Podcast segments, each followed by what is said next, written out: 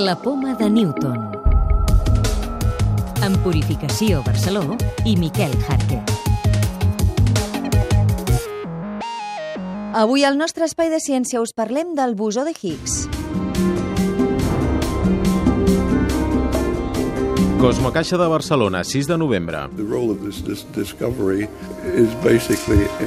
El descobriment del bosó pot fer avançar en la comprensió de com funciona l'univers. És Peter Higgs, el físic britànic que ja als anys 60 va proposar l'existència d'una partícula infinitament petita capaç de formar massa. 50 anys després, el juliol passat, un equip d'investigadors del CERN confirma que han trobat el bosó de Higgs. Però quina informació ens aporta el bosó? Manuel Delfino, director del Port d'Informació Científica de la Universitat Autónoma de Barcelona. nos permite, primero, muy importante, describir el mundo actual que observamos. Y segundo, nos permite también saber qué es lo que podríamos predecir y que quizás concuerde o no con observaciones, por ejemplo, de la expansión del universo. Siempre hemos tenido ese problema de cómo llenamos el espacio. Entonces, el campo de Higgs es algo que, que aparece poco después del, del Big Bang, ¿no? de, la, de la creación del universo, y de alguna manera permea todo el espacio y nos proporciona esa especie de melaza que cuando ponemos las partículas eh, sin masa pues se impregnan y entonces eh, adquieren masa.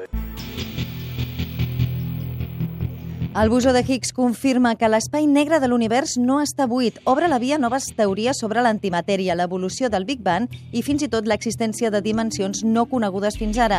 I també ens ajuda a resoldre una altra qüestió. 97%, si recuerdo bien, de la, de la masa del universo no sabemos dónde está. El encontrar el mecanismo que pensamos que le da masa al, al, nivel más pequeño, de ese nivel más pequeño construimos pues los núcleos atómicos, eh, los átomos, eh, las moléculas. El bosó explica en definitiva la creació de massa des de partícules sense matèria, la peça que faltava per comprendre com estan fetes totes les coses.